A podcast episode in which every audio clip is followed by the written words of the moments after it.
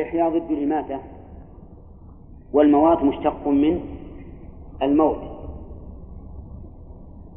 وعبروا بالموات دون الميتة لأن الأرض الميتة قد يراد بها ما لا نبات فيه.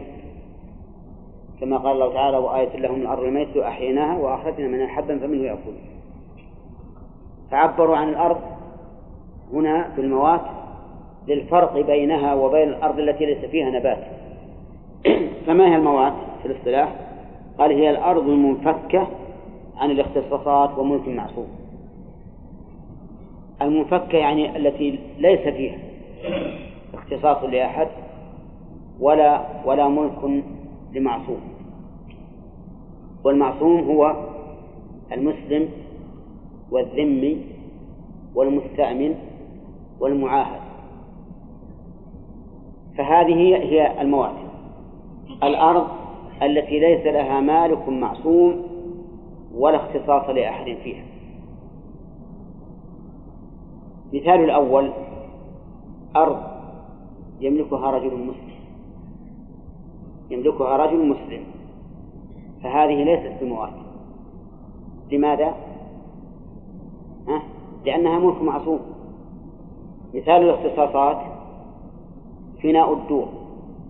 يعني المساحات التي حولها كملقى الكناسة ومكان تصريف المياه وما أشبهها. هذه نقول فيها إيش؟ اختصاصات. لو أن أحد استولى عليها وأحياها قلنا لا لا تملك ذلك. لأن هذه مختصة. صحيح أنها ليست ملكا لصاحب البيت لكنها من اختصاصاته ومثل ذلك أيضا لو أن أحدا تملك مرعى أهل البلد.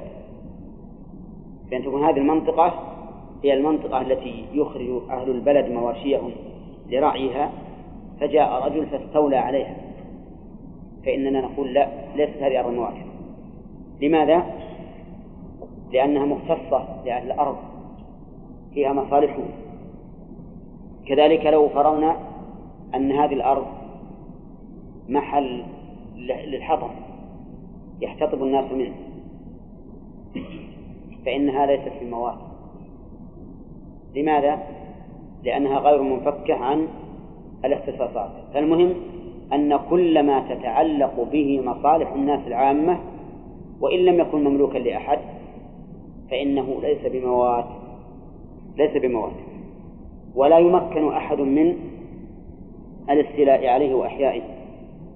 حتى قال العلماء إن مقطع الحصى مقطع الحصى الذي يكون للناس عموما يقطعون منه الحصى ليس لأحد أن يتملكه لأنه تتعلق به إيش؟ المصالح العامة.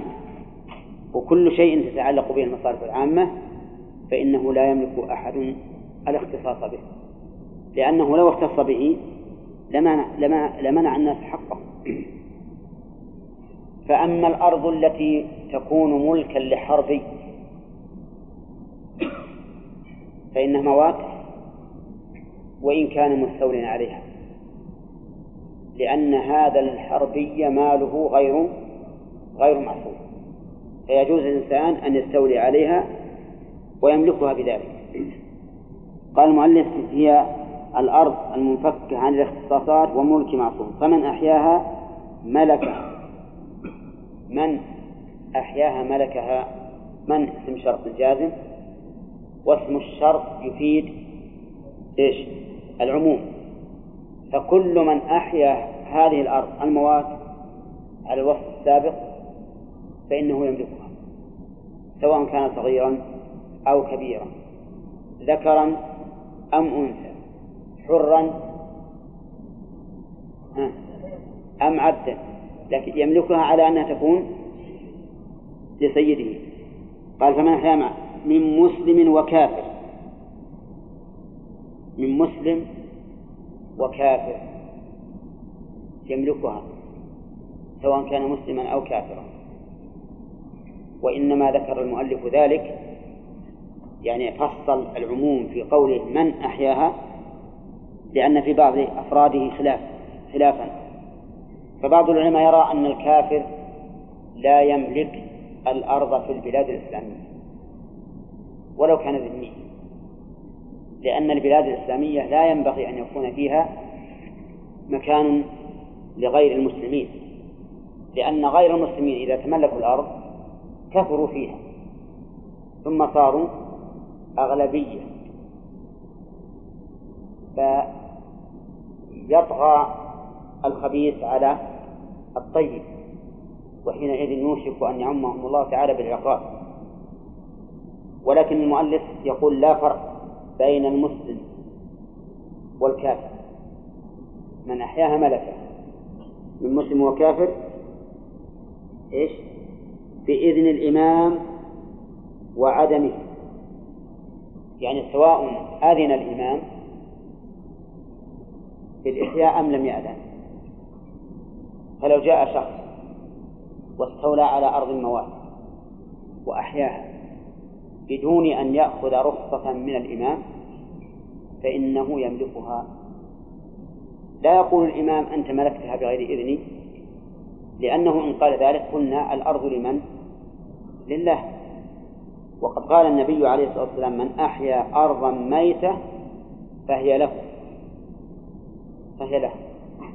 وذهب بعض أهل العلم إلى أنه لا يملكها إلا بإذن الإمام. لا يملكها إلا بإذن الإمام. لأن الإمام هو المرجع في تقسيم الأرض. والأرض تحت ولايته وسيطرته. فلو فلو أحياها بغير إذنه لأحياها على غير وجه شرعي فلا يملكها. وأجابوا عن الحديث من أحيا أرضا ميتة فهي له فهي له بأن هذا الحديث من باب التنظيم لا من باب التشريع. يعني أن الرسول قال تنظيما فهو كقوله من قتل قتيلا فله سلبه. ولكن ولكن نجيب عن ذلك بأن الأصل في قول الرسول عليه الصلاة والسلام إيش؟ التشريع. فهو إذا قال من أحيا أرض ميتة فهو له يعني من عموم الناس. ليس يخاطب قوما معينين. يقول إذا أحييتم الأرض فهي لكم بل هذا عام. كما أننا نقول أيضا في الحديث الثاني من قتل قتيلا فله سلبه أنه عام وأن القاتل يعطى سلب القتيل سواء شرطه الإمام أو القائد الجيش أم لم يشترطه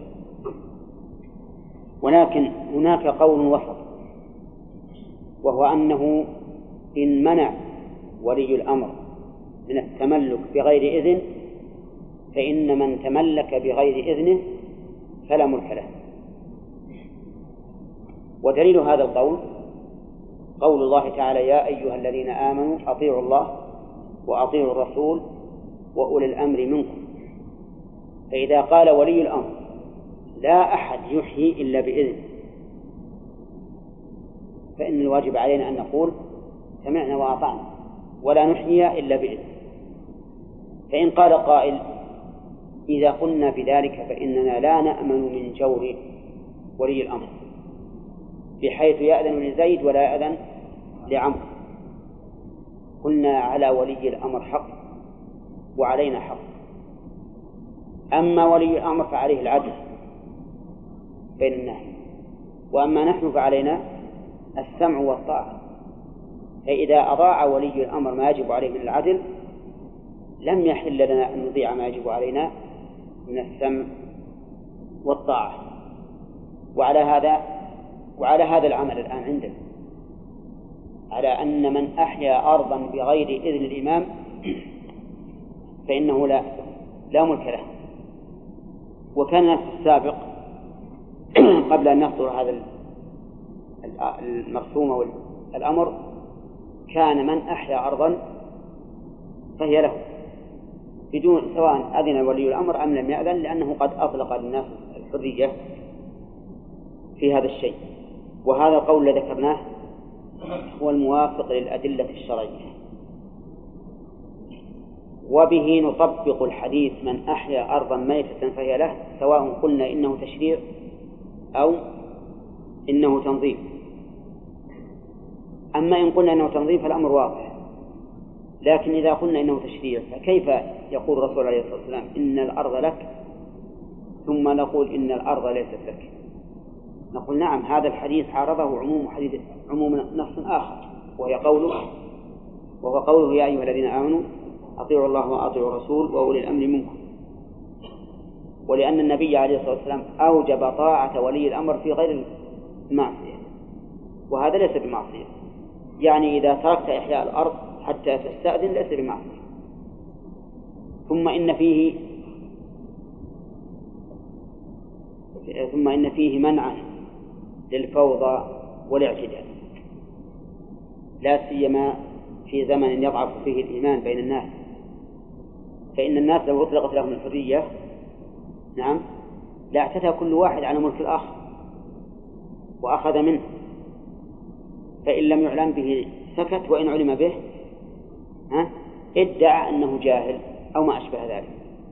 كما كما كان يصنع صاحب المحجن الذي يسبق الحجاج بمحجنه إن فطن قال والله هذا هذا المحجان مسك متاعك نعم. وإن لم يفطن له راح. هكذا أيضا بعض الناس لو, لو تركت الحرية في الأراضي لكان بعض الناس لا يخاف الله عز وجل. نعم. فإذا قيد هذا بنظام معين وعينت الأرض للإنسان بمساحتها وبكل ما يلزم للعلم بها صار في ذلك مصلحة لعموم الأمة. فكان هذا جائز. قال بإذن الإمام وعدمه. طيب. إذا قال الفقهاء الإمام فالمراد به السلطان الأعظم في البلاد. أما إذا قالوا الأمير فالمراد به نائب الإمام. نائب الإمام عاد في بلد أو بلدين أو أكثر. لكن إذا قالوا الإمام فالسلطان الأعظم الذي له الكلمة العليا في البلاد. قال المؤلف في دار الإسلام وغيرها. دار الإسلام ما هي؟ دار الإسلام كل ما يعلن فيها بالإسلام. هذه دار هذه دار الإسلام. فإذا كانت هذه هذه البلد يعلن فيها بالإسلام يؤذن وتصلى الجماعة وتقام الجمعة ويصام رمضان فهي دار إسلام حتى لو فرض أن حكامها كفار فإنها دار دار إسلام هذا هو الأقرب في تحديد دار الإسلام. وقيل إن دار الإسلام من كان أكثر أهلها مسلمين بقطع النظر عن عن الحاكم. وقيل إن دار الإسلام من يحكمها مسلم ولو كان أكثر أهل البلد كفارا. والعلماء اختلفوا في هذا اختلافا كثيرا لكن أقرب الأقوال أن ما أعلن فيه بالإسلام بالأذان والجمع والجمعة والجماعات والصيام وما أشبه ذلك فهي دار الإسلام. نعم. السلام على نبينا محمد وعلى آله وأصحابه أجمعين. هل يشترط للملك بالإحياء إذن والعنوة كغيرها؟ العنوة يعني أرض العنوة كغيرها. أرض العنوة هي ما فتح بالسيف وغيرها ما أسلم أهله أهلها عليها ما أسلم أهلها عليها وأنتم تعلمون أن الإسلام نشأ من جزيرة العرب وبدأ ينتشر في أقطار الدنيا بالدعوة إلى الله وبالسيف لمن عارض هذه الدعوة. الذين عارضوا هذه الدعوة فتحت بلادهم بعدة أوجه. منها ما فتح عنوة يعني بالسيف أي أن الصحابة قاتلوا أهلها حتى دخلوها عنوة. فهذه يخير الإمام فيها كما مر علينا في كتاب الجهاد بين قسمها بين الغانمين وأن يضرب عليها خراجا مستمرا يؤخذ من هي؟ بيده. من هي بيده؟ هذه الأرض التي فتحت عنوة هل تملك بالإحياء أو لا؟ الجواب نعم تملك بالإحياء.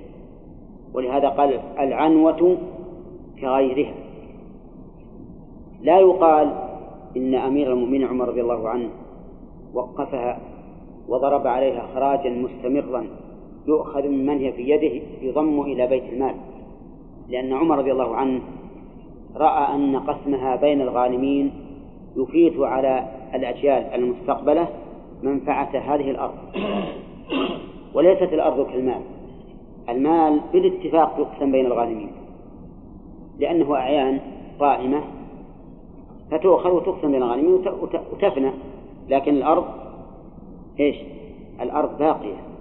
فرأى عمر أن لا تقسم بين الغانمين. لأنها لو قسمت بين الغانمين اختص بالانتفاع بها من؟ الغانمون فقط.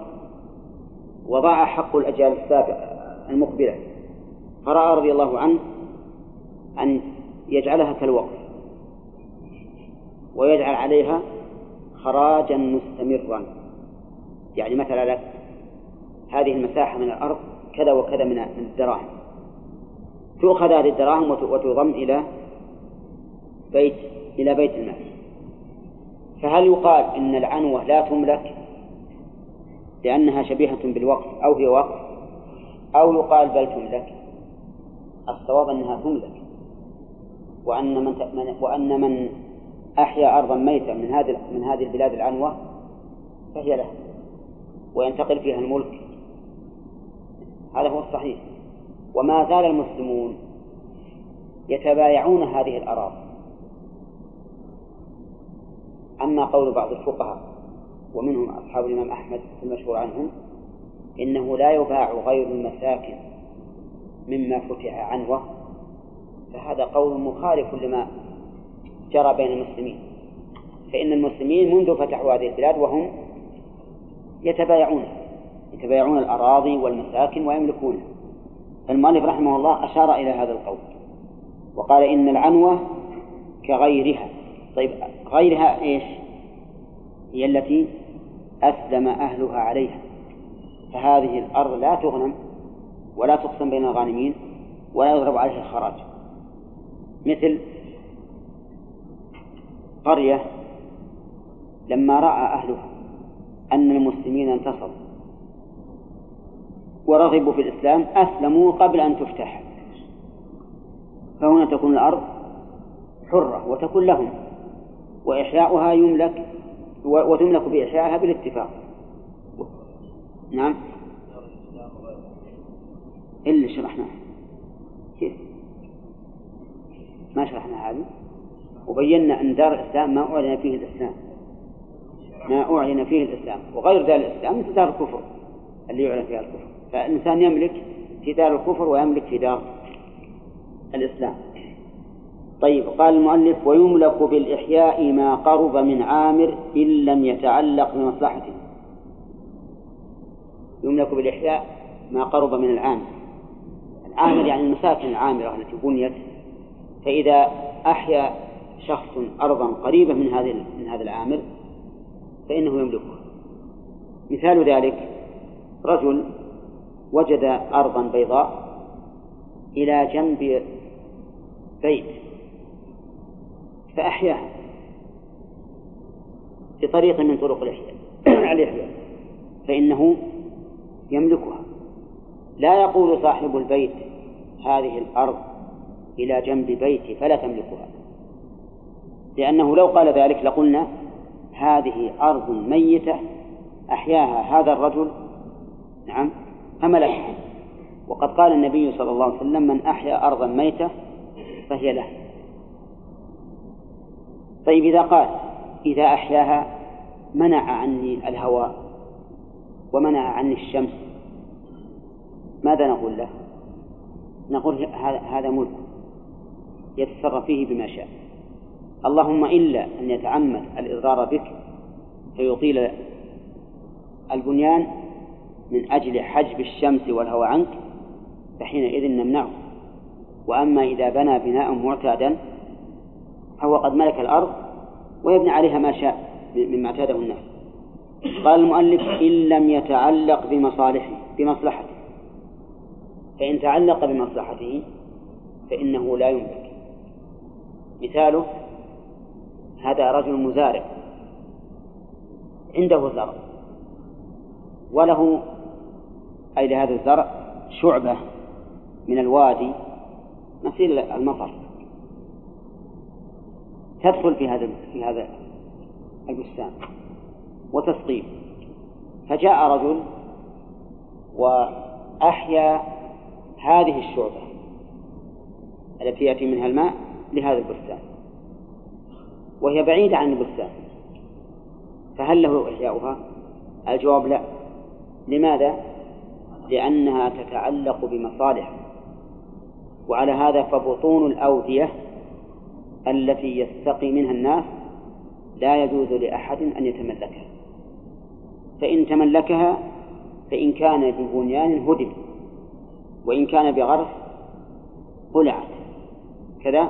وإن كان بزرع ينظر. إن كان هذا الزرع يحصد قبل أن تأتي الأمطار فأمهلناه وقلنا يبقى زرعك حتى تحصده. وإن كان يخشى أن تأتي الأمطار قبل انتهاء الزرع فإنه يزال لئلا يمنع الأمطار.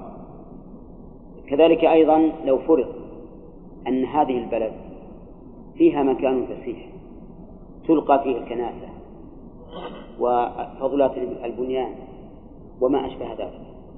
فجاء رجل وأحيا هذا المكان فإننا نقول لا ليس لك الحق في إحيائه. لماذا؟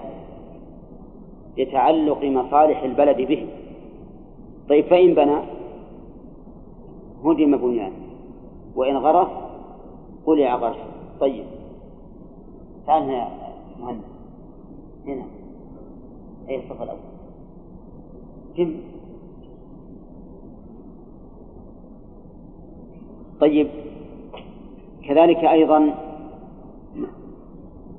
الأرض. المملحة التي يقطع منها الناس الملح. لو جاء شخص فأحياه فإنه لا يملك ذلك. لماذا؟ لأن ذلك يتعلق به مصالح البلد.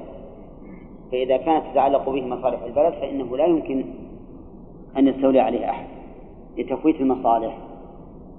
وكلمة إن لم يتعلق بمصلحته عام طيب فيه أرض. معدة لتكون مقبرة لأهل البلد. فجاء رجل فأحياه. نقول هذا الإحياء غير صحيح. حتى لو بنى هدم بنيانه وإن غرس قلع غرس لأن ذلك يتعلق بمصلحة البلد. قال رحمه الله ومن أحاط مواتا أو حفر بئرا فوصل إلى الماء أو أجراه إليه من أو أجراه إليه أو من عين ونحوها أو حبسه عنه لزرع أو ليزرع فقد أحياه. بين المؤلف رحمه الله تعالى ما يحصل به الإحياء لأن كل ما سبق بيان للحكم. أما ما يحصل به الإحياء فذكره الآن. وإحياء كل شيء بحسبه. ولهذا قال من أحاط مواتا أحاطه يعني وضع عليه حائط. حائطا منيعا بما جرت به العادة. إن جرت العادة بأن الحائط يكون من لبن الطين فهو من فهو من لبن الطين أو كان من من لبن الطوب فهو من لبن الطوب أو كان من خشب يوضع ويصف بعض بعض يربط بعض بعض. المهم أنه إذا أحاطه بما جرت به العادة. فإنه يملكه بذلك. حتى وإن لم يبن قصرا وإن لم يغرس غرسا وإن لم يزرع زرعا. المهم دام بنى حائطا يحوط ويمنعه فإنه يكون بذلك محييا لهذه الأرض. الثاني أو حفر بئرا فوصل إلى الماء. حفر بئر حتى وصل إلى الماء فإنه يكون محيا لأنه هيأ الأرض لما تصلح له.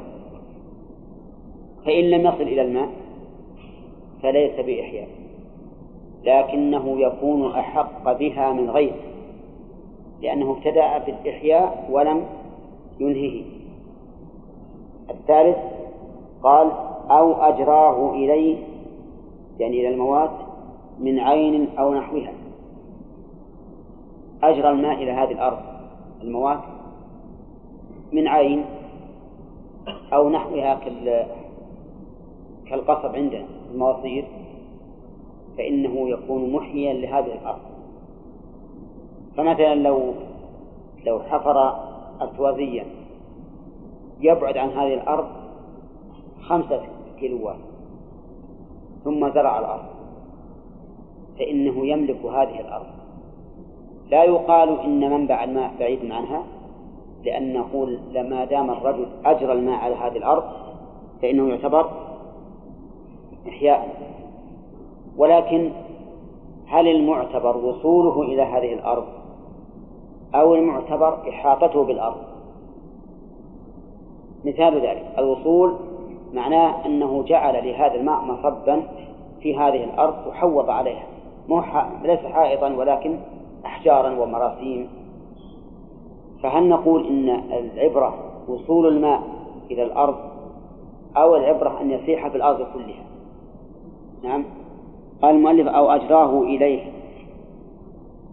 وإلى للغاية. وابتداء الغاية داخل لا انتهاؤه. فالظاهر أنه إذا وصل إلى مكان يعد. يعني مكانا إلى مكان يعد مجمعا للماء الذي يفرق في هذه الأرض فإنه يعتبر ذلك فإن ذلك يعتبر إحياء ثم قال أو حبسه عنه يعني حبس الماء عن المواد ليزرع وهل هذا واقع؟ نعم متى يكون واقعا؟ إذا كان حول الأنهر مثلا أو البحر. فحبس الماء عن هذه الناحية لتكون صالحة للزرع. تكون صالحة للزرع. فيعتبر هذا الحبس إحياء. فمنع الماء لتصلح الأرض للزرع إحياء. وإيصال الماء ليسقي الأرض للزرع إحياء. فصار الماء الآن منعه إحياء. نعم. نعم. وإجراؤه إلى الأرض إحياء. ولو قال قائل إن الإحياء يرجع إلى العرف لقول النبي صلى الله عليه وسلم من أحيا أرضا ميتة فهي له ولم يبين النبي صلى الله عليه وسلم ما يحصل به الإحياء. لو قال قائل بهذا القول لكان له وجه. فما عده الناس إحياء أو تهيئة للإحياء فهو إحياء. وما ليس بإحياء فلا فليس بإحياء. فمثلا لو أن رجلا صار يجلب مواد مواد خشبية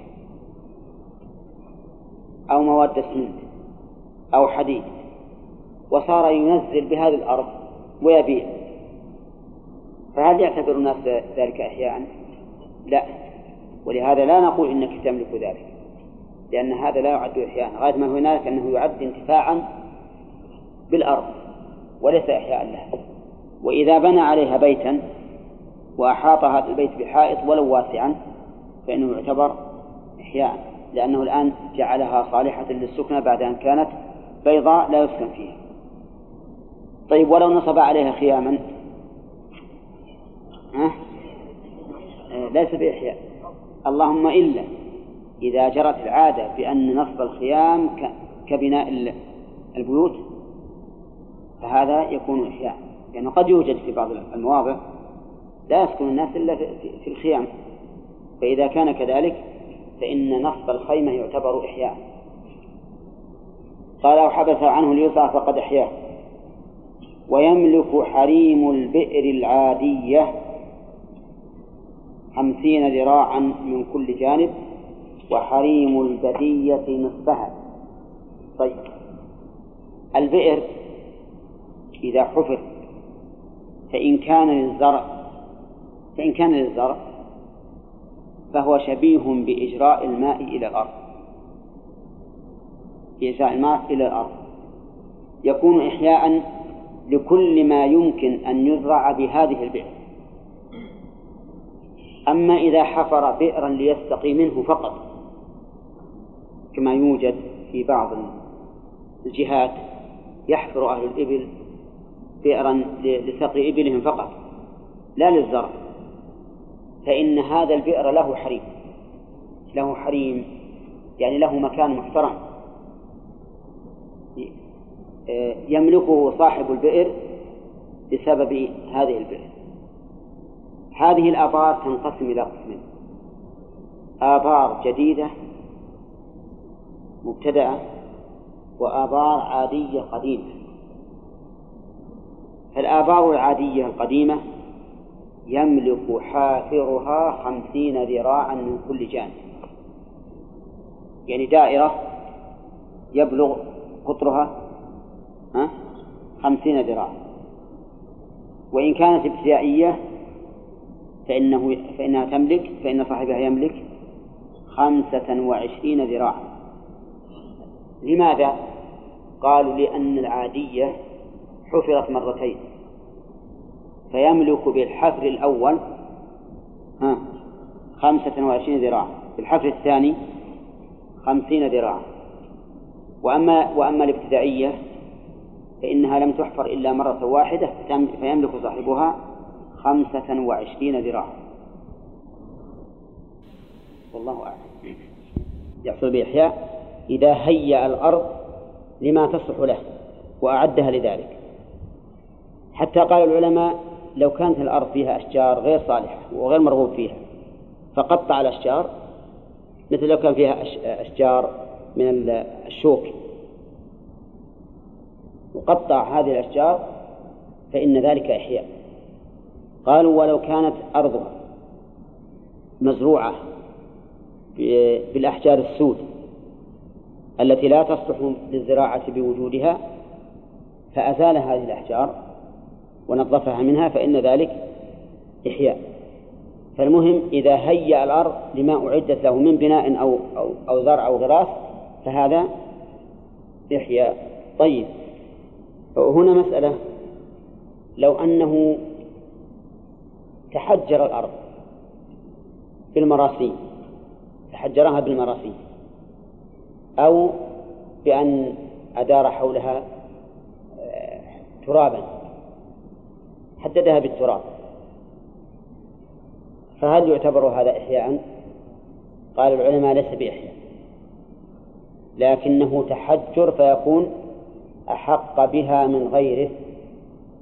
فإذا وجد متشوف لإحيائها قيل لهذا الرجل إما أن تحيي وإما أن ترفع يدك. بخلاف ما إذا ملكها فإنه إذا ملكها لا يقال له إما أن تزرع وإما أن ترفع يدك لأنه ملكه سواء زرع أو ما زرع.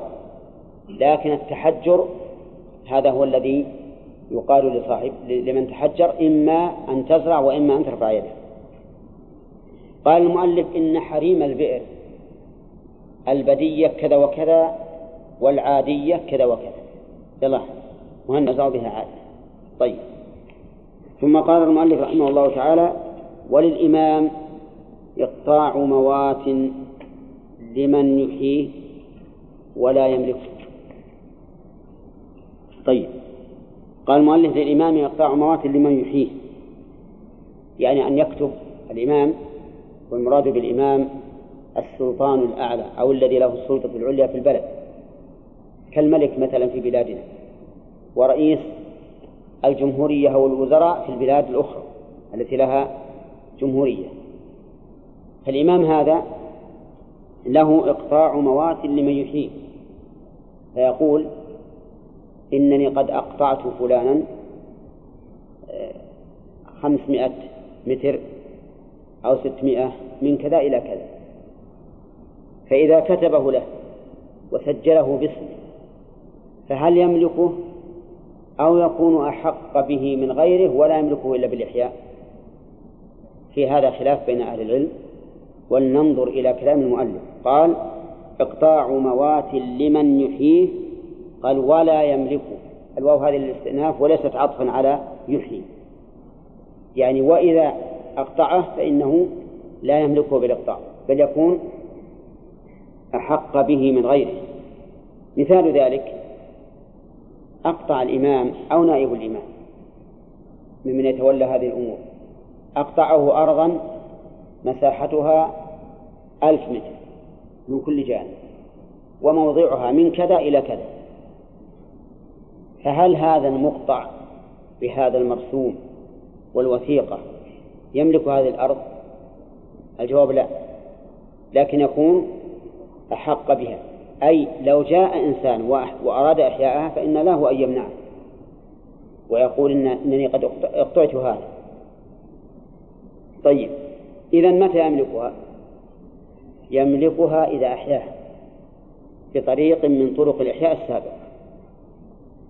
والقول الثاني في المذهب أنه أن الإمام إذا أقطعه وتعين فإنه يملكه فإنه يملكه ويكون ملكا له.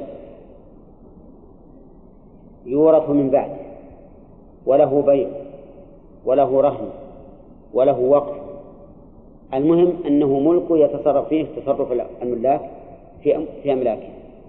وعلى القول الأول لا يملك فلا يبيع ولا يوقفه ولا يرهنه لأنه ليس بملك طيب هل يجوز لهذا المقطع أن يتنازل عن إقطاعه بعوض؟ يعني لا من باب البيع. نعم. الجواب في هذا خلاف بين بين أهل العلم. منهم من قال لا يجوز. لاحتمال أن لا يحصل للثاني. لأن الثاني إذا إذا لم يحيه قيل له ارفع يدك. وقال بعض أهل العلم بل يجوز ذلك. لأنه لأن هذا الذي أقطع تنازل عن حقه بعوض. والأصل في العقود إيش؟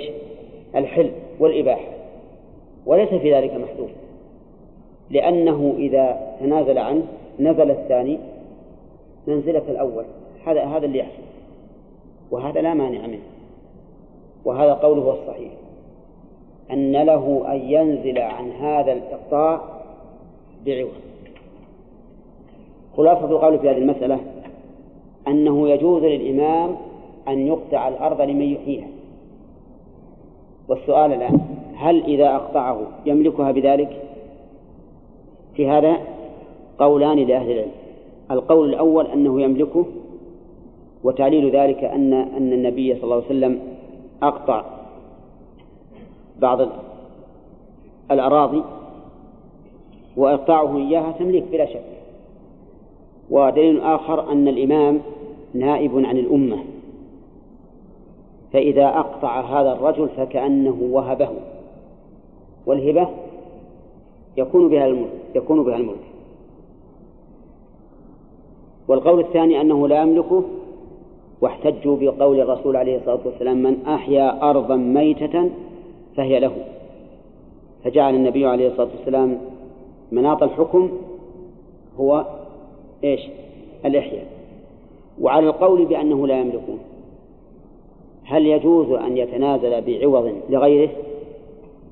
الجواب فيه خلاف والصحيح أن ذلك جاء. طيب. قوله ولا يملكه أنا قلت لكم إن الواو هذه للاستئناف وليست معطوفة على قوله لمن يحييه لأنه لو لو قلنا بأنها معطوفة لفسد الم... لفسد المعنى. قال وله أي للإمام إقطاع الجلوس في الطرق الواسعة. الإمام أو نائب الإمام. فمن نائب الإمام في إقطاع الجلوس؟ البلدية في وقت الحاضر. يعني له أن يقطع شخصا هذا المحل ليبسط فيه. ليبسط فيه. لكن بشرط أن لا يضر بالناس. فإن أضر بالناس فإنه لا يجوز. فإنه لا يجوز له أن يقطع. لأن المصلحة العامة مقدمة على المصلحة الخاصة. فإذا كان إقطاعه هذا الرجل أن يجلس يبيع في هذا السوق يضيق السوق على المارة لأن السوق يزدحم. فليس للإمام ولا نائب الإمام أن يفعل ذلك لما فيه من الإضرار العام. طيب وقول المؤلف له اللام هنا بيان بيان للإباحة. فلا ينافي أن يقال إنه إيش؟ يجب عليه. يجب عليه إذا طلب أحد الرعية مكانا يبيع فيه ويشتري وليس فيه ضرر على المسلمين يجب عليه أن يمنح لأن الأرض لله عز وجل وليس له أن يتحكم فيمنع هذا ويرخص لهذا. بل نقول ما دام هذا الرجل محتاجا إلى أن يعرض سلعه في هذا المكان نعم وليس فيه ضرر على المسلمين فالواجب عليك أن تلبي دعوته. قال ويكون أحق بجلوسها. من الذي يكون أحق؟ المقطع. يكون أحق بالجلوس فيها. حتى لو جاء أحد وأراد أن يزيله أو جاء أحد ونزل في هذا المكان فله المطالبة. له المطالبة بذلك. فإذا فرضنا أن أن أن نائب الإمام أقطع هذا الرجل هذه هذه البقعة من الأرض يعرض عليه يعرض فيها سلعة. فلما أصبح وجاء على العادة وجد شخصا آخر قد بسط فيها. بسط فيها سلعة وعرضه فله أن يقيمه. له أن يقول قم أنا أحق بذلك منك لأنه مقطع من قبل ولي ولي الأمر ولهذا قال ويكون أحق بجلوسه. ومن غير إقطاع لمن سبق بالجلوس ما بقي قماشه فيها وإن طال. يعني معنى من غير إقطاع يعني أنه لو سبق شخص إلى هذا المكان لعرض السلع. فمن سبق فهو أحق. ولكن هل له أن يتحجر؟ الجواب ينظر في ذلك إلى العرف. فإن كان العرف قد جرى بأن الإنسان يبقى في هذا المحل وفي آخر النهار ينزح عنه فإنه ليس له أن يتحجر. وإن جرت العادة بأن الإنسان يبقى وله ويتحجر ولا يعد الناس ولا يعد الناس ذلك ظلما فله أن يبقى. ولهذا قال المؤلف ويكون أحق بجلوسها ما بقي قماشه فيها وإن طال. فأفاد المؤلف فائدتين. الفائدة الأولى أنه ما بقي القماش في هذه الأرض التي سبق إليها فهو أحق بها. فإن نقل القماش فليس أحق بل هو لمن سبق بل, بل هي لمن سبق في اليوم التالي. فإذا نقل الإنسان قماشه إلى بيته ليكون عنده في الليل وجاء في الصباح ووجد شخصا قد نزل فيه فليس له حق في أن يقيمه عنه عن هذا المكان. لأنه لم يقطع من قبل ولي الأمر وإنما صار حق بسبب السبق. فإذا نقل قماشة وسبق بعده آخر فهو أحق. قال المؤلف وإن طال. وإن طال. لقول النبي صلى الله عليه وسلم من سبق إلى ما لم يسبق عليه إليه أحد فهو أحق به. وقول المؤلف وإن طال هذا الشرط إشارة خلاف فإن بعض العلماء يقول إذا طال قماشه في هذا المكان فإنه يمنع. لماذا؟ قالوا لأنه إذا طال بقاؤه صار كالمالك. وحينئذ يتعذر أن ينتفع به أحد غيره. وربما يبقي القماش وهو لا يأتي. أحيانا يبقي القماش ولا يأتي إلا بعد يومين ثلاثة. فيمنع هذا المكان من الانتفاع به وهو لا ينتفع به. والصحيح في مسألة إن طال أو لم يطل أن ذلك يرجع إلى رأي ولي الأمر. إن رأى من المصلحة أن يبقى وأن لا يشوش على الذين يبسطون في هذا المكان فلا بأس أن يبقى. وإن رأى من المصلحة رفعه فإنه يرفعه نعم. قال ما بق ما بقي؟ قماشه فيها وإن طال وإن سبق اثنان اقترعا إن سبق اثنان.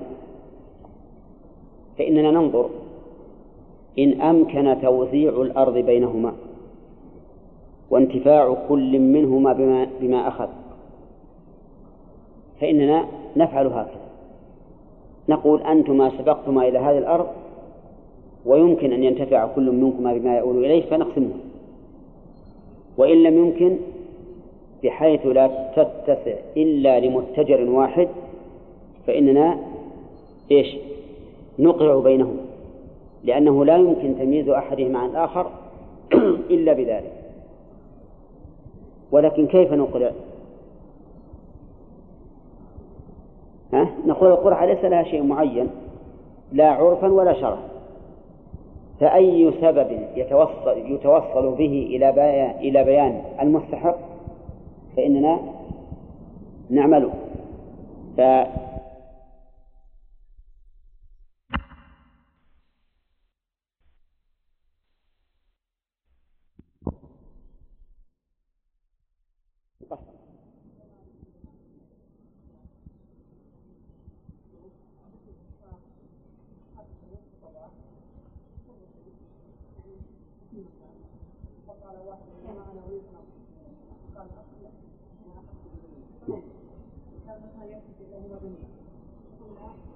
هو لم يتصل وأردنا أن نقرع بينهما. كيف نقرع؟ شو نقول؟ ها. نرفعه؟ كذا ها؟ ننبذه. ها؟ نعم. إيه؟ إيه. ها؟ المهم ضرب مثل طيب وغير هذه؟ لا لا أترك القروش ها.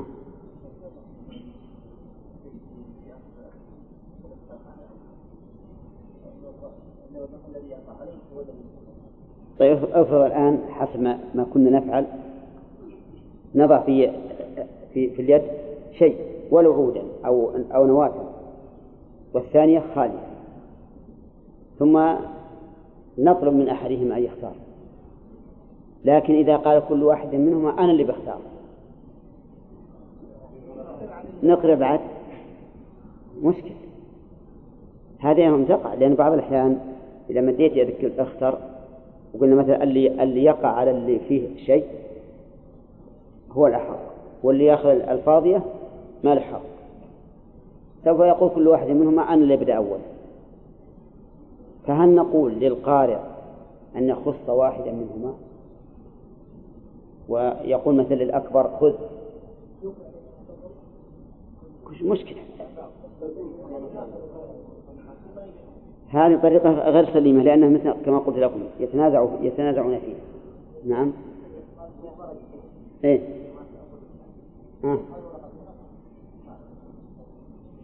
يعني يعني من نكتب اسم فلان في ورقة. في ورقة أخرى. ونعطيها شخص ثالث.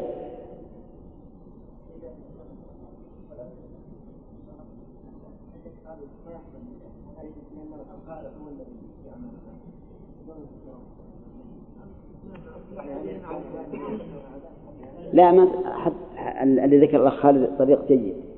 نعم. لكن ما هو منضبط كما لأن بعض الناس شاطر. شاطر يعرف إذا نبذه بقوة وإذا نبذه بسهولة. إذا نبذ بقوة يدور أكثر. نعم.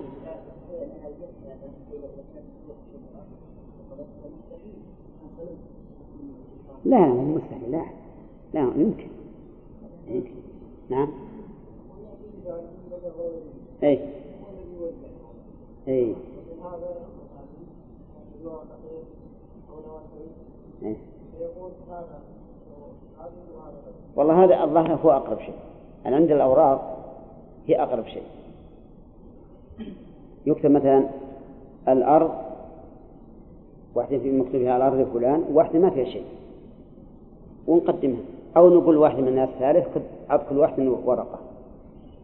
فإذا نقل قماشة فإنه في اليوم التالي يكون لمن سبق. كيف؟ إذا إذا إذا إذا مكنه ولي الأمر واضح كالذي أقطعه. لأنه إذا أقطعه ولي الأمر فهو أحق به مطلق ما حد زاحمه حتى لو لو نقله في الليل وإذا رجع في الصباح يقول له. قال وإن سبقتنا اقترع أخذنا أخذنا هذا. ولمن في أعلى الماء المباح السقي وحبس الماء إلى أن يصل إلى كعبه ثم يرسله إلى من يليه لمن في أعلى الماء المباح. هل هناك ماء محرم؟ لا. لكنهم يقولون المباح هنا في مقابل المملوك. كالكلأ المباح في مقابل المملوك. فالماء المباح يعني الذي ليس له مالك كماء الأودية والأنهار.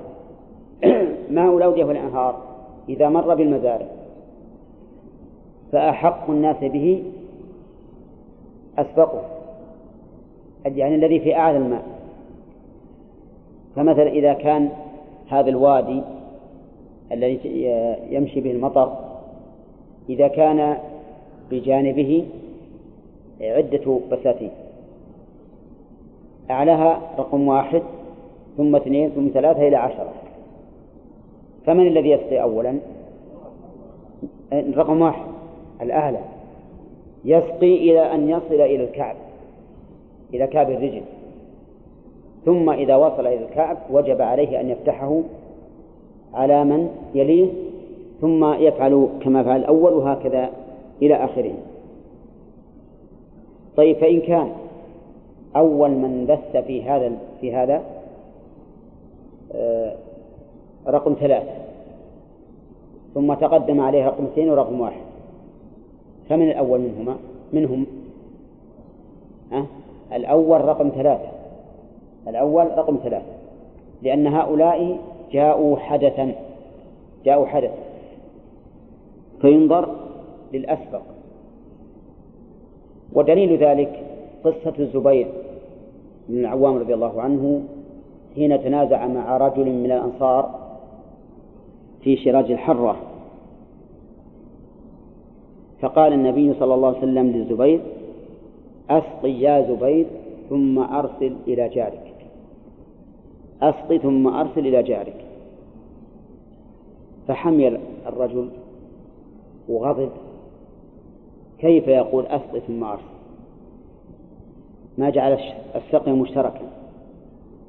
فقال أن كان ابن عمتك يا رسول الله؟ الله يعفو عنه. هذه كلمة عظيمة. يعني اتهم النبي صلى الله عليه وسلم بحكمه للزبير أنه ابن عمته لأن الزبير أمه صفية بنت عبد المطلب. فاحتفظ النبي عليه الصلاة والسلام للزبير بحقه. وكان بالأول أراد النبي عليه الصلاة والسلام أن يسقي الجميع فقال أسقي يعني بمعنى اجعل الماء ينتشر في أرضك بقدر ما يسقيه فقط. ثم قال للزبير أسقي حتى يصل إلى الجدر ثم أرسله إلى جارك. الجدر اللي يسميه عندنا الناس ها؟ نعم آه، الحواجز التي بين الحيض ويسمى عندنا عند الفلاحين يسمى الفلة. ها؟ معروف عندكم هكذا؟ ها؟ المهم قال أرسل حتى يصل إلى الجدار. فقيس هذا الجدار. فوجد أنه يصل إلى الكعبة. يعني معناه الرسول عليه الصلاة أن النبي صلى الله عليه وسلم أمر الزبير أن يبقي الماء في بستانه حتى يصل إلى كعب الرجل ثم يرسله إلى جاره. واتخذت هذه سنة إذا تنازع الناس في الماء فإنه يقدم من؟ يقدم الأعلى لأنه أسبق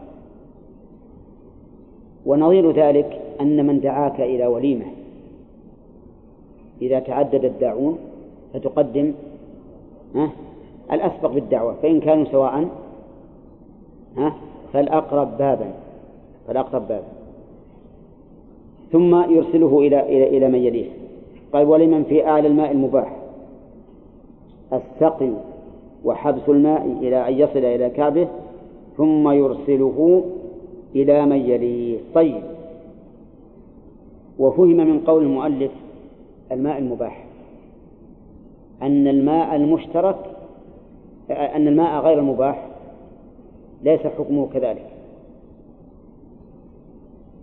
مثل أن تكون عين بين جماعة اشتركوا في استخراج الماء. فهذه لا نقول إن الأعلى يسقي حتى يصل إلى الكعب ثم يرسل إلى من يليه بل نقول إن الماء مشترك على حسب أملاكه. فإذا كان بعضهم أنفق آه يعني أنفق نصف النفقة فله النصف والثاني النصف. إذا كانوا ثلاثة أنفق أحدهم النصف. والثاني الثلث والثالث السدس يقسم الماء بينهم أستاثا حسب ما أنفق لصاحب النصف نصف الماء ولصاحب الثلث ثلث الماء ولصاحب السدس سدس الماء ولكن كيف كيف يمكن؟ قال العلماء يجعل الحاجز الذي يحجز الماء مخرقا مخرقا بخروق متساوية يكون عددها حسب الأملاك. ففي المثال الذي ذكرنا يجعل لصاحب النصف ثلاثة خروق ولصاحب الثلث خرقان ولصاحب الثلث خرق واحد. ويجب أن تتساوى أن تتساوى هذه الخروق فلا يكون بعضها أعلى من بعض. ولا أوسع من بعض وأن يتساوى وأن تتساوى نسبة الماء فيها. تتساوى نسبة الماء فيها. فلا يجعل هناك ميول ميول بحيث يكون الأسفل أقوى دفعا. طيب هل يجوز أن نجعلها آه، مترادفة؟ يعني واحد تحت واحد من الشقوق؟ ليش؟ لأن الذي تحت يكون أكثر ولا؟ أكثر تحت الماء لأن الضغط عليه أشد. ثم الأعلى أيضا ربما إذا تناقص الماء ها؟ إذا نزل عنه عن مستواه ما لم يأتيه شيء. فالواجب أن تكون على سمت واحد وأن تكون خلق في الساعة واحدة وأن يكون ضغط الماء أيضا واحدا حتى لا يختلف أحد عن أحد. هذا إذا كان الماء مشتركا. قال وللإمام دون غيره فيما مرعا للمسلمين فيما مرعا لدواب المسلمين ما لم يضرهم. للإمام دون غيره. من الإمام؟ السلطان. دون غيره من الناس. فيما مرعى لدواب المسلمين لا لدوابه الخاصة. بشرط أن لا يضر الناس. فهذه ثلاث شروط. يعني هل يجوز حمى أرض للرعي الجواب نعم يجوز بثلاث الشروط. أن يكون الحمى من الإمام دون غيره وأن تكون الحماية لدواب المسلمين لا لدوابه وحده وأن لا يضر بالناس. طيب. فإن فإن حماها شخص غير الإمام فإن ذلك حرام عليه. ولغيره أن يفك الحماء وأن يرعى إبله فيها. لأن ذلك لأن هذا تحجر شيئا لا يحق له أن يتحجره. ولو حماها الإمام لدواب لا لدواب المسلمين فإن ذلك حرام عليه أيضا. لأنه لأنه ليس له أن يختص بشيء عام دون الناس. طيب. وإن حماها لدواب المسلمين ولكن يضر بالمسلمين. مثل أن تكون الأرض قريبة من البلد الذي هو مرعى مواشيه. فهذا أيضا لا يجوز. بل الواجب أن يحمي في مكان بعيد عن مراعي البلد. لأنه إذا حمى حول البلد في المراعي اضطر الناس إلى أن تذهب مواشيهم إلى مكان بعيد. يذهب نصف النهار وهي تمشي ونصف النهار وهي راجعة. وهذا فيه ضرر فيه ضرر على المواشي وفيه أنها لا, لا تشبع. يمكن يأتي وقت الرجوع وهي لم تشبع. ثم إن دواب المسلمين ليست خاصة يعني ليست للبلد أو لأهل البلد بل هي لعموم المصالح ويمكن أن يحملها في مكان في مكان بعيد تبقى فيه ولا, ولا يضر. فالشروط إذا كم؟ تقولها هداية الله. وهي الشروط الثلاثة. يكون الحامي لهذه الأرض الإيمان وأن يكون حمايته لها لدواب المسلمين والثالثة لا يضر بالناس. طيب إذا قال قائل ما مثال دواب المسلمين؟ قلنا مثل إبل الصدقة. إبل الجهاد خيل الجهاد وما أشبه ذلك. كذلك لو كان في بيت المال مواشي بأن يكون فيه ناس ماتوا ما لهم ورثة ولهم مواشي فهذه أيضا تكون من جواب آه، المسلمين. ثم قال قال باب الجعالة. باب الجعالة وهي أن يجعل شيئا معلوما لمن يعمل له عملا معلوما أو مجهولا مدة معلومة أو مجهولة. الجعالة عقد معاوضة بين الجاعل والمجعول له وفيها عوض عوض مدفوع من الجاعل وعوض من المجعول له. فهي كغيرها من العقود يا حجاج. لا بد أن يكون العاقد جائز التصرف. لا بد أن يكون العاقد جائز التصرف. فقول المؤلف وهي أن يجعل لما لا أن يجعل عوضا معلوما أن يجعل شيئا معلوما. يريد بذلك أن يكون الجاعل جائز التصرف. ولا بد أن يكون الجعل معلوما كمئة درهم مثلا أو هذه السيارة أو هذا المسجل أو ما أشبه ذلك. أما العمل الذي يعمله الجاعل آه، المجعول له فلا يشترط أن يكون معلوما. لدعاء الحاجة لذلك. مثاله أن يقول من رد لقطتي فله كذا وكذا. العوض الآن المجعول معلوم ولا لا, ولا لا؟ معلوم المجعول عليه مجهول لأن رد اللقطة قد يكون يسيرا وقد يكون صعبا وقد لا يردها ها؟ أنا قلت من رد لقطتي فله مئة درهم خرج رجل يطلب هذه اللقطة وجدها قريبة. لو لو أنه استؤجر على هذا العمل لكفاه عشرة دراهم. نقول الآن لك مئة درهم لأنه جعل لك والله هو الذي يسر لك الأمر. ذهب يطلب هذه اللقطة وبقي شهرين أو ثلاثة وهو يطلبها ثم وجدها. نقول هنا العمل صار صار العمل أكثر من العوض. لأن مئة درهم يستحق الإنسان مثلا في عمل عشرة أيام. وهذا بقي كم؟ شهرا كاملا. ربما يذهب يطلبها فيبقى شهرين أو ثلاثة ولا يجد. هل هل يستحق المئة؟ لا. إذا عمل هذا العمل الكثير ومع ذلك لم يستحق شيئا. فإذا قال قائل كيف تجيزون هذا العمل مع هذه الجهالة العظيمة؟ قلنا نجيزه لدعاء الحاجة إليه وليس هو على سبيل الإلزام.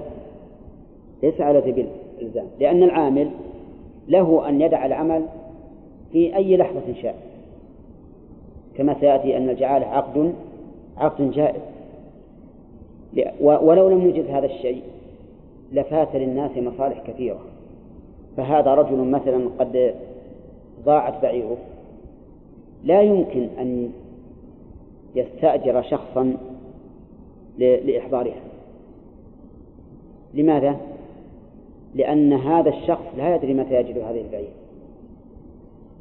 فإذا كان لا يمكن لم يبق إلا الجعالة. بحيث يقول يعلن مثلا في الصحف أو في أي وسيلة من وسائل الإعلام فيقول من رد بعيري فله كذا وكذا. هذا لا شك أن فيه مصلحة للناس. وهذا الرجل الذي ذهب يطلب البعير ما دام يرجو أن يجدها سوف يفعل وإذا أيس منها سوف يترك. وربما أيضا يبحث قبل أن يدخل في العمل. ثم إن الجعالة أيضا لا يشترط فيها تعيين المجعول له. قد يقول هذا القول يروح واحد بدون أن يتصل به ويذهب ويأتي بها. كما سيأتي أيضا إن شاء الله. فهذا لما كان فيه هذه المصالح وتوفر فيها الجهل. نعم.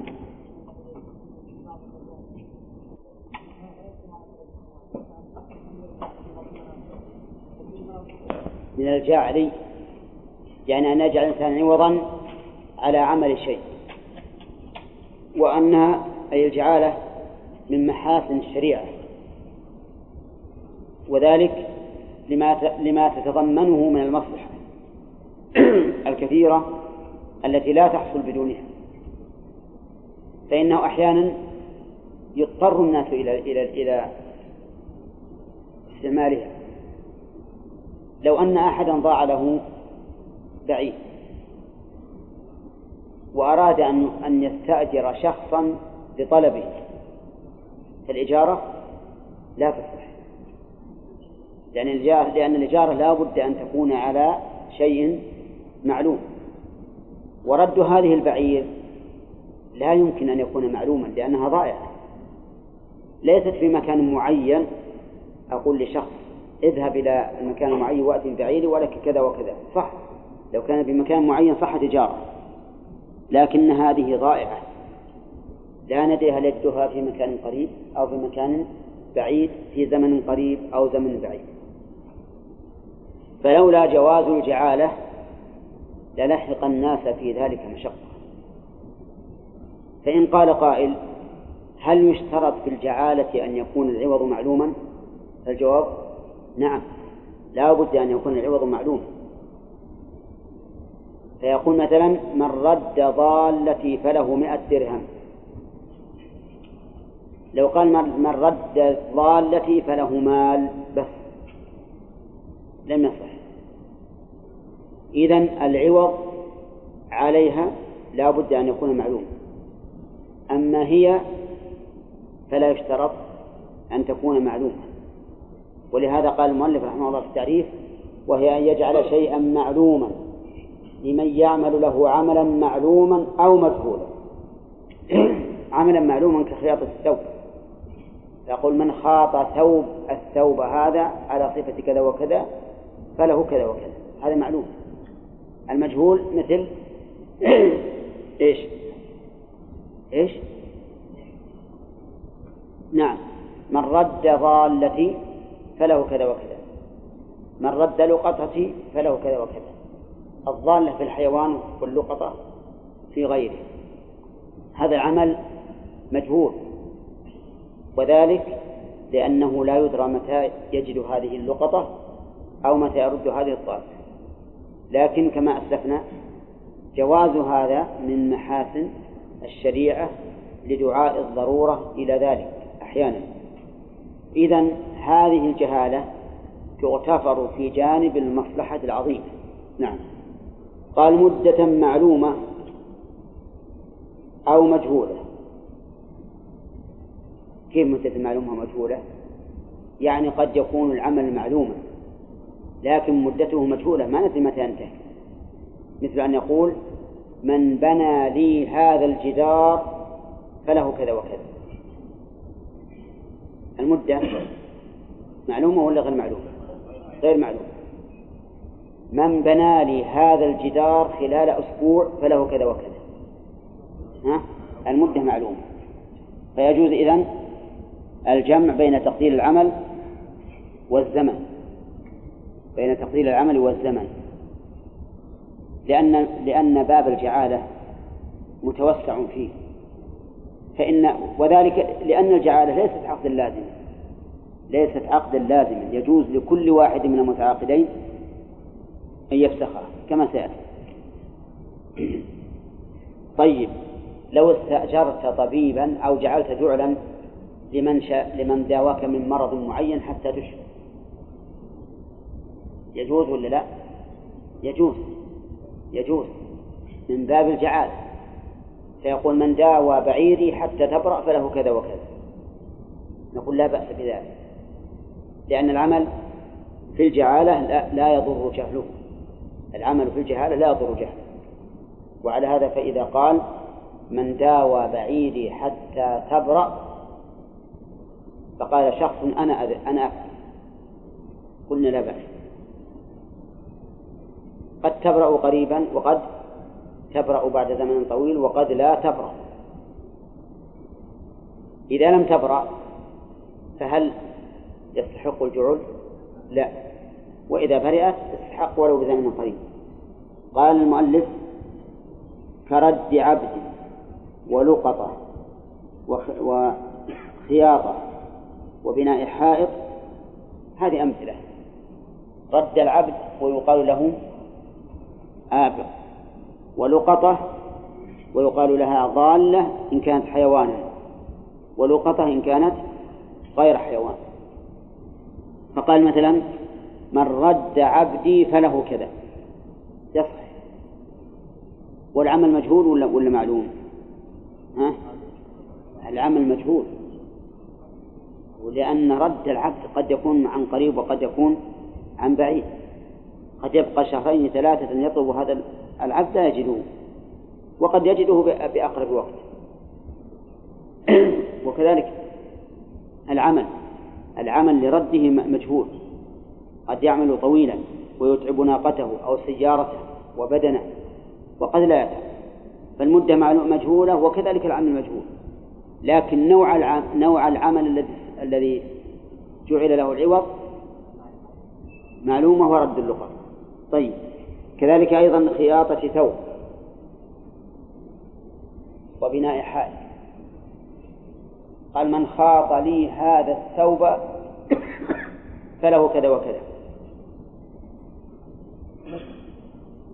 خياطة الثوب معلومة ولا معلومة. لكن زمنها مجهول. طيب لو قال من خاط لي هذا الثوب هذا اليوم.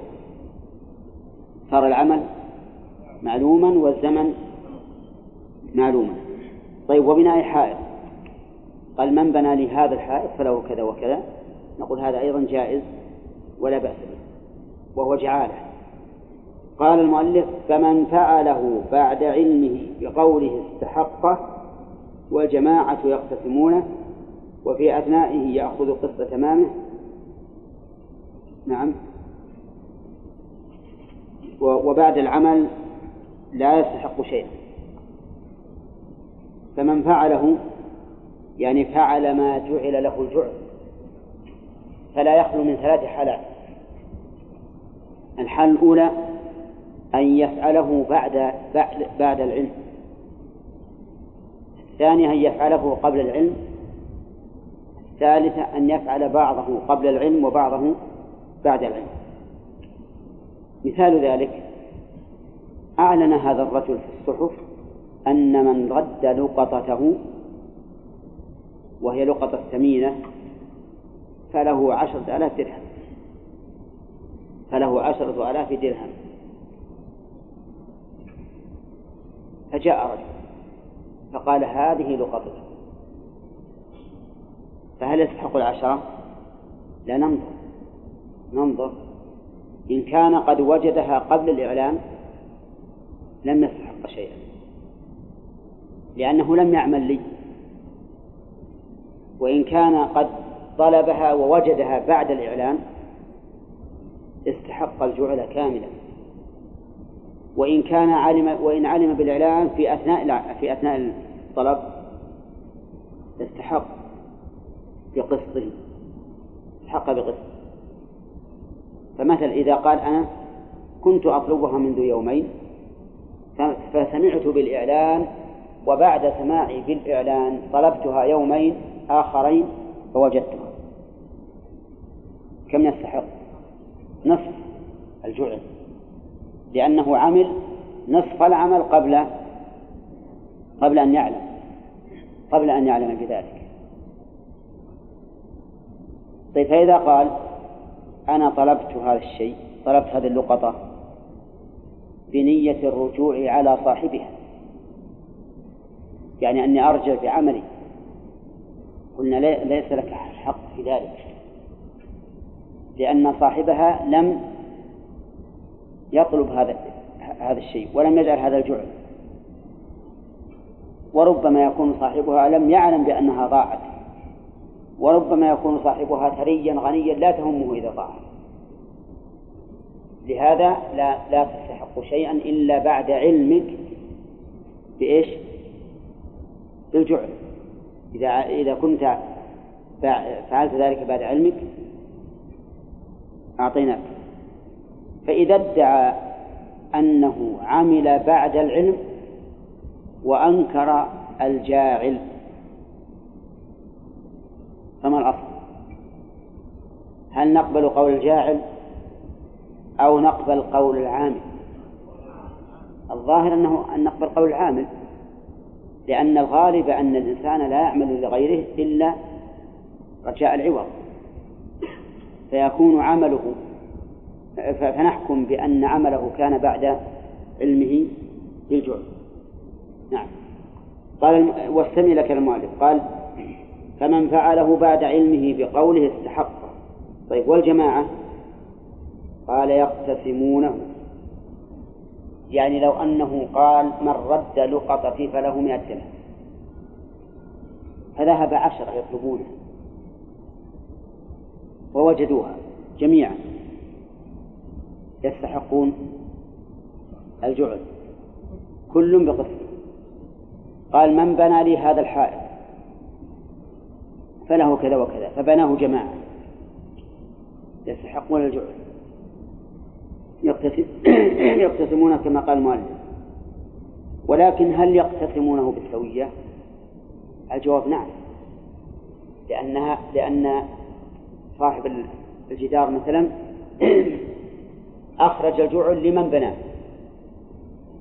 وهؤلاء يصدق عليهم أنهم بنوا فقد اشتروا اشتركوا بالبناء فيستحقون العوض بالاشتراك. قال وهي عقد جائز لكل فسخها الجعالة عقد جائز من الطرفين. فلكل واحد فسخها هذا الرجل الذي قال من بنى لي هذا الحائط فله مئة درهم. فشرع رجل في بنائه. فله أن يمنع يقول خلاص أنا فسخت كنت أريد بناءه والآن هون نقول لك هذا لأن الجعالة عقد عقد جائز. ولو أن العامل شرع في البناء وفي أثنائه هون وفسخ قلنا لك ذلك لك ذلك ولا نلزمك. لأن الجعالة عقد جائز بخلاف الإجارة فإنها عقد لازم. وقد مر علينا أن العقود تنقسم إلى ثلاثة أقسام. جائز من الطرفين ولازم من الطرفين وجائز من طرف لازم من طرف. مثال الأول عيسى. نعم. المضاربة والوكالة. نعم. والجعال ومثال الثاني اللازم من الطرفين الإجارة والبيع لازم من الطرف. طيب. نعم. الجائز من أحدهما دون الآخر.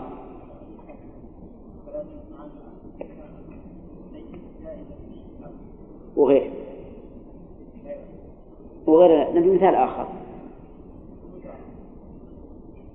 لا. الرهن. لازم في حق الراهن جائز في حق المرتهن. طيب. وضابط ذلك أن أن تكون أن يكون العقد مشتملا على حق لشخص وحق على شخص. فهو في حق من هو عليه؟ ها؟ لازم وفي حق من هو له؟ جائز. طيب. يقول ف... فلكل ولكل واحد من فسخ فمن العامل لا يستحق شيئا. ومن الجاعل بعد الشروع للعامل أجرة عمله. هنا إذا وقع الفصل فإن كان من العامل فلا شيء له ويذهب عليه عمله هدرا لأنه هو الذي رضي لنفسه بعدم الاستحقاق. فإنه يعلم أنه لا يستحق العوض إلا إذا أتم العمل. فإذا فسخ في أثنائه ذهب ما عمله هدرا ولا شيء له. ولكن ظاهر كلام المؤلف أنه لا شيء عليه أيضا. لا شيء له ولا شيء عليه أيضا. وهل هذا مسلم؟ الجواب فيه نظر. فإن العامل قد يشرع في العمل في وقت يكون فيه العمال متوافرين. ثم إذا قل العمال ونشب كل واحد منهم بعمل وشرع هذا في العمل قال فسخ وحينئذ سوف يتضرر من؟ سوف يتضرر الجاعل. لأن العمال كان حين أخذ هذا الرجل العمل الواحد بعشرة ريالات. الآن لا نجد الواحد ولا بمئة ريال. وحينئذ يتضرر من؟ الجاعل وقد مر علينا أن العقود الجائزة إذا تضمنت ضررا على أحد الطرفين صارت لازمة في حق غير المتضرر. إلا إذا دفع عوض الضرر فلا فلا شيء عليه.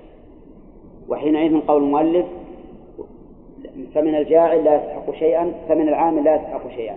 ينبغي أن يقال ولا شيء عليه ما لم يتضرر الجائز فإن تضرر قيل له إما أن تدفع الضرر وإما أن تلتزم بالعمل. قال وإن كان من الجاعل ومن الجاعل بعد الشروع للعامل أجرة عمله من الجاعل بعد الشروع للعامل أجرة عمله.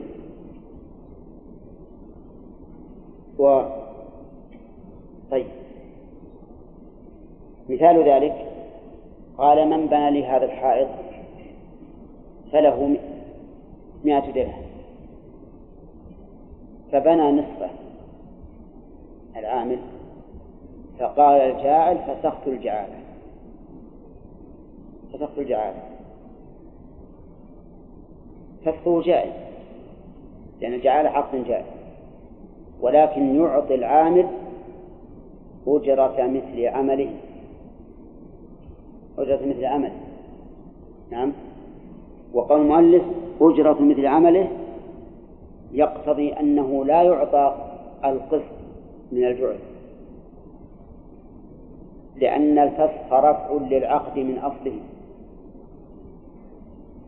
مثال ذلك هو قال من بنى لي هذا الحائط فله مئة درهم. فبنى العامل نصف الحائط. ثم فسخ المالك. الجاعل نقول العامل أجرة عمله منسوبا إلى الجعالة ولا مستقلا؟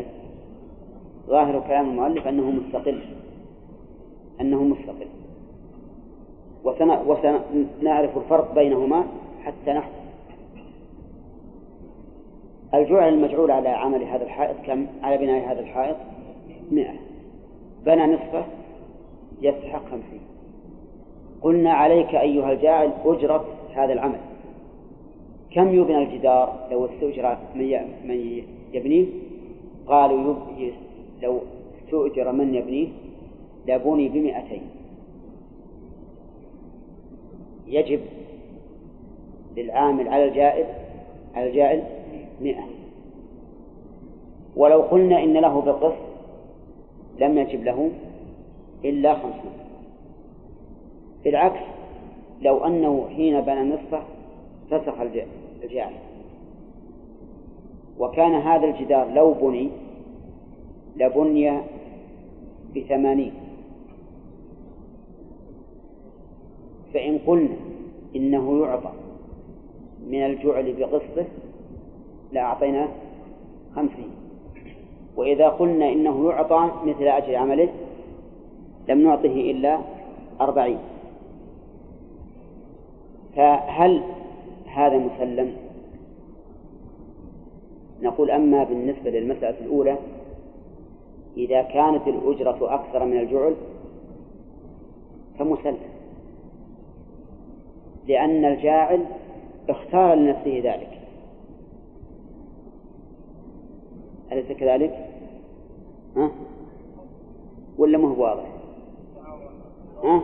ما هو واضح طيب قلت من بنى لي هذا الحائط فله مئة درهم كذا جرت الرجل فبنى فبنى العامل نصف الجدار ثم إن الجاعل قال فسخت الجعالة فكم يستحق؟ ها؟ لكن نصف الجعل ولا نصف الأجرة؟ طيب نصف الأجرة طيب إذا نقول كم يبنى هذا الجدار؟ قالوا يبنى هذا الجدار بمئتين. فعلى الجاعل الآن أن يدفع مئة مئة كاملة. هذا مسلم. مسلم أن نلزم الجاعل بمئة لأنه هو الذي فسخ العقد طيب بالعكس لو كان هذا الجدار جعل له جعلا نعم مئتين. وكان وكان لو بني بالأجرة يبنى بمئة. فعلى كلام المؤلف لا يعطى العامل إلا إيش؟ إلا خمسين. إلا خمسين. مع أن صاحب الجدار ملتزم بأن يعطى على نصف العمل مئة. لأنه لأنه جعل له مئتين. وهذا غير مسلم. لأن في ذلك ضررا على من؟ على العامل. لأن في ذلك ضررا على العامل.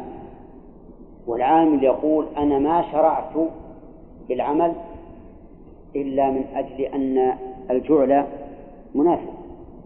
مئتين. ولأن هذا قد يفتح باب حيلة. حيلة من أهل الجعل يجعلون جعلا مغريا. مغريا. فإذا شرع العامل في العمل وأدى نصف العمل أو ثلاثة أرباع العمل أو تسعين في المئة من العمل قال فسخت لأجل أن يرجع إلى ها إلى أجرة المثل. فهذا. فهذا العامل إذا قال من بنى لي هذا الجدار فله مئتين أو فله مئتان. فبنى هذا العامل الجدار ولم يبقى إلا عشرة في المئة. فقال فسقت الجعالة وكان لو استؤجر على بناء لم يبنى إلا لبني بمئة.